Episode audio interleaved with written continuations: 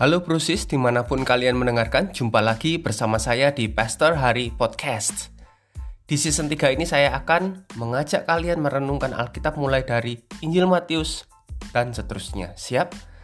Ketika saya membaca ayat 12 pada perikop ini, pada Matius pasal 4, uh, eh, saya agak heran sebenarnya. Begini ya bunyinya. Tapi pada waktu Yesus mendengar bahwa Yohanes telah ditangkap, menyingkirlah ia ke Galilea menyingkirlah ia ke Galilea. Bagaimana dengan kalian? Waktu membaca ayat ini singkat sih, uh, ayat 12 satu ayat pertama ini ya. Apa nggak ada yang aneh atau menyentil pikiran kalian saat membaca ayat ini? Uh, maksud saya begini, ini Yesus loh. Tapi Yesus menyingkir. Yesus lari. Dia pergi. Saat apa? Saat mendengar kabar bahwa Yohanes ditangkap. Kalau mau diteruskan lebih dalam, ini lebih bikin gregetan ya, jengkel ya, begitulah. Uh, Yesus melarikan diri saat mendengar seseorang yang taat yang melakukan kebenaran yang dipakai Tuhan untuk memberitakan kebenaran itu sendiri. Dan terlebih lagi ini sepupunya sendiri yang namanya Yohanes ini saat Yohanes ditangkap dia lari ya. Yesus lari. Dan sekali lagi Yesus ini Tuhan loh. Di tangannya ada kuasa. Serius di mulutnya dalam perkataannya ada kuasa tapi Yesus memilih untuk menyingkir, lari, saat sebenarnya dia dapat melakukan banyak hal untuk membuktikan sebuah kebenaran yang dibela oleh Yohanes, yang diberitakan oleh Yohanes. Kebenaran yang dibela Yohanes bahwa kerajaan Allah sudah dekat. Kerajaan Allah siapa rajanya ya? Allah ya Tuhan sendiri yang sudah ada di, di muka bumi sebagai wujud manusia yaitu Yesus sendiri. Tapi Yesus lari.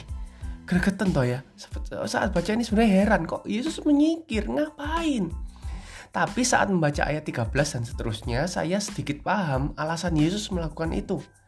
Ini dia bunyinya, ayat 13 sampai 17. Ia meninggalkan Nazaret dan diam di Kapernaum di tepi danau di daerah Zebulon dan Naftali supaya genaplah firman yang disampaikan oleh Nabi Yesaya. Tanah Zebulon dan tanah Naftali jalan ke laut, daerah seberang sungai Yordan, Galilea, wilayah bangsa-bangsa lain, bangsa yang diam dalam kegelapan telah melihat terang yang besar, dan bagi mereka yang diam di negeri yang dinaungi maut telah terbit terang.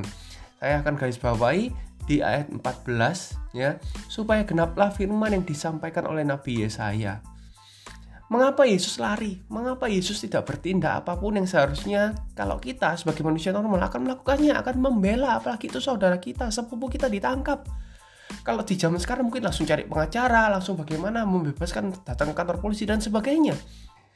Nah, ini dia alasannya. Sebab Yesus dalam kemanusiaannya, dalam wujud manusianya, sekalipun dia tetap hidup, uh, maksud saya, meskipun dia Tuhan, tapi dalam wujud kemanusiaannya dia itu tetap menghidupi firman. Dia tetap hidup menggenapi firman. Bukan mendasari tindakannya dengan pola pikir atau dorongan manusia batiniahnya. Jujur saja kita manusia batiniah pasti akan berontak, pasti akan marah sepupu kita ditangkap tanpa ada bukti kesalahan apa pun. Ya, kalau saya di posisi Yesus, saya akan datangi pihak yang bikin gara-gara dengan sepupu saya itu. Saya akan gunakan semua yang ada pada saya, apalagi saya Tuhan toh. Saya akan gunakan kuasa saya, kekuatan saya, logika apa pun deh untuk membebaskan Yohanes. Nah, ini dia kelemahan kita sebenarnya. Dorongan manusia daging kita, dorongan manusia jasmani kita sering kali lebih kuat mendikte segala tindakan kita. Seringkali firman yang kita uh, dengarkan itu kita lupa pada saat kita diperhadapkan pada situasi tertentu. Apalagi saat kita merasa sudah benar. Pembenaran diri itu akan menjadi acuan tindakan kita, mendorong kita pada keegoisan dan parahnya kita tidak sadar bahwa kita sebenarnya sedang melupakan perintah-perintah Tuhan. Contoh sederhana, kasihilah musuhmu. Widih, dibaca aja nggak enak. Musuh dikasihi, diaminkan di gereja sih enak, tinggal amin, amin. Tapi saat berhadapan dengan orang yang kita anggap musuh, Sekalipun mungkin kita tidak benar-benar melabelinya sebagai musuh tanpa disadari, tapi tahulah bahwa musuh artinya sebenarnya adalah setiap orang yang jelas-jelas menurut kita berbeda paham, berlawanan dalam hal apa pun. Itulah musuh ya toh.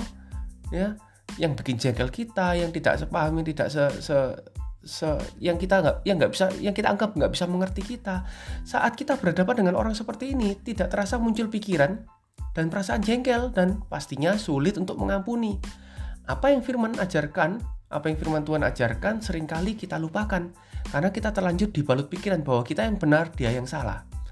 Mengapa harus mengampuni? Mengapa harus menerima dia apa adanya? Yang benar aja kali. Ya, tapi firman harus digenapi dalam hidup kita dan melalui hidup kita seharusnya, ya kan? Nah, Yesus, Yesus nih yang adalah Tuhan, sekalipun dia hidup dalam tubuh manusia, dia tidak membiarkan tubuh jasmaninya kemanusiaannya mendikte kehidupannya. Dia tetap hidup mengenapi firman Tuhan. Sekalipun terasa sakit, terasa menjijikkan, terasa nggak benar secara manusia. Ya, dan jika dia punya kuasa, dia di sisi benar, tapi dia tetap harus merasa, aduh, saya yakin Yesus tahu dia mengalami dilema dilema juga, tapi dia harus lari, harus menyingkir hari itu. Mengapa? Karena firman Tuhan, nubuatan-nubuatan sebelumnya mengatakan dia harus menyingkir ke tanah Naftali dan Zebulon. Dan itu harus digenapi karena itu Yesus tahu. Yesus nggak seharusnya didikte oleh perasaannya pikirannya. Dia harus didikte oleh firman Tuhan oleh rencana Tuhan. Ya itu masih tentang hari itu. Bagaimana dengan hari-hari selanjutnya? Yang bahkan Yesus ini ya di hari-hari selanjutnya bahkan dia harus disalib. Bahkan sekalipun sekalipun dia tidak bersalah dia harus disalib mati di atas kayu salib. Itu juga nggak enak secara manusia tapi dia tahu dia harus mengenapi firman itu dan dia dia harus terlihat seperti orang kalah. Paham maksud saya nggak? Dia seharusnya pemenang dia harusnya Tuhan tapi di hari itu ketika disalib dia menunjukkan diri seperti orang yang lemah salah kalah apa pun itulah. Harusnya dia tidak bersalah tapi dia mau merelakan dirinya ya sekalipun sakit dia mengenapi firman Allah. Dia bisa saja membela diri. Dia bahkan punya kuasa untuk membinasakan musuh-musuhnya tapi dia memilih untuk tidak melakukan itu. Proses di mana pun kalian mendengarkan dengan kata lain apa yang saya pelajari di sini adalah lakukan kebenaran Tuhan kebenaran firman rencana Tuhan. Bahkan saat itu terasa menyakitkan, saat itu terasa tidak enak secara manusia. Ini bukan tentang kita menjadi pengecut di hadapan orang lain. Ini bukan tentang kita berada di posisi kanan atau kiri, benar atau salah. Ini tentang kita menjadi benar di hadapan Allah, bukan di hadapan manusia. Dan percayalah, ini posisi terbaik. Di posisi inilah Tuhan yang akan menjadi pembela kita. Hari ini, jika kalian harus mengampuni seseorang, sekalipun terasa sakit, ampunilah. Hari ini jika kalian harus mengasihi seseorang sekalipun terasa sakit, kasihilah. Hari ini jika kalian harus memberi pada seseorang sekalipun terasa sakit, berilah. Hari ini jika kalian harus mendoakan sekalipun terasa sakit, doakanlah. Hari ini jika kalian harus minta ampun pada seseorang, sekalipun terasa gengsi, terasa nggak bener nih ya harusnya, tapi datanglah dan minta ampun pada siapa pun itu denger ini baik-baik hari ini. Apa yang seharusnya kamu lakukan dan kamu tahu itu yang benar di hadapan Tuhan tapi kamu selalu menghindar dan memberikan banyak alasan pembenaran ini saatnya bangkit dan mengambil sikap lakukanlah itu.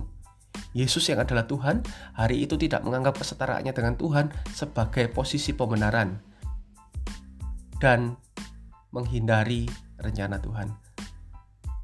Ayo come on do this. Semoga ini memberkati kita semua. Sampai jumpa besok, kita akan belajar dari Matius 4 ayat 18 sampai 22. Simak terus Pastor Hari Podcast. Saya berdoa kita semua dalam lindungan Tuhan. Jangan lupa share ke teman dan keluarga, oke? Okay? Tuhan Yesus memberkati.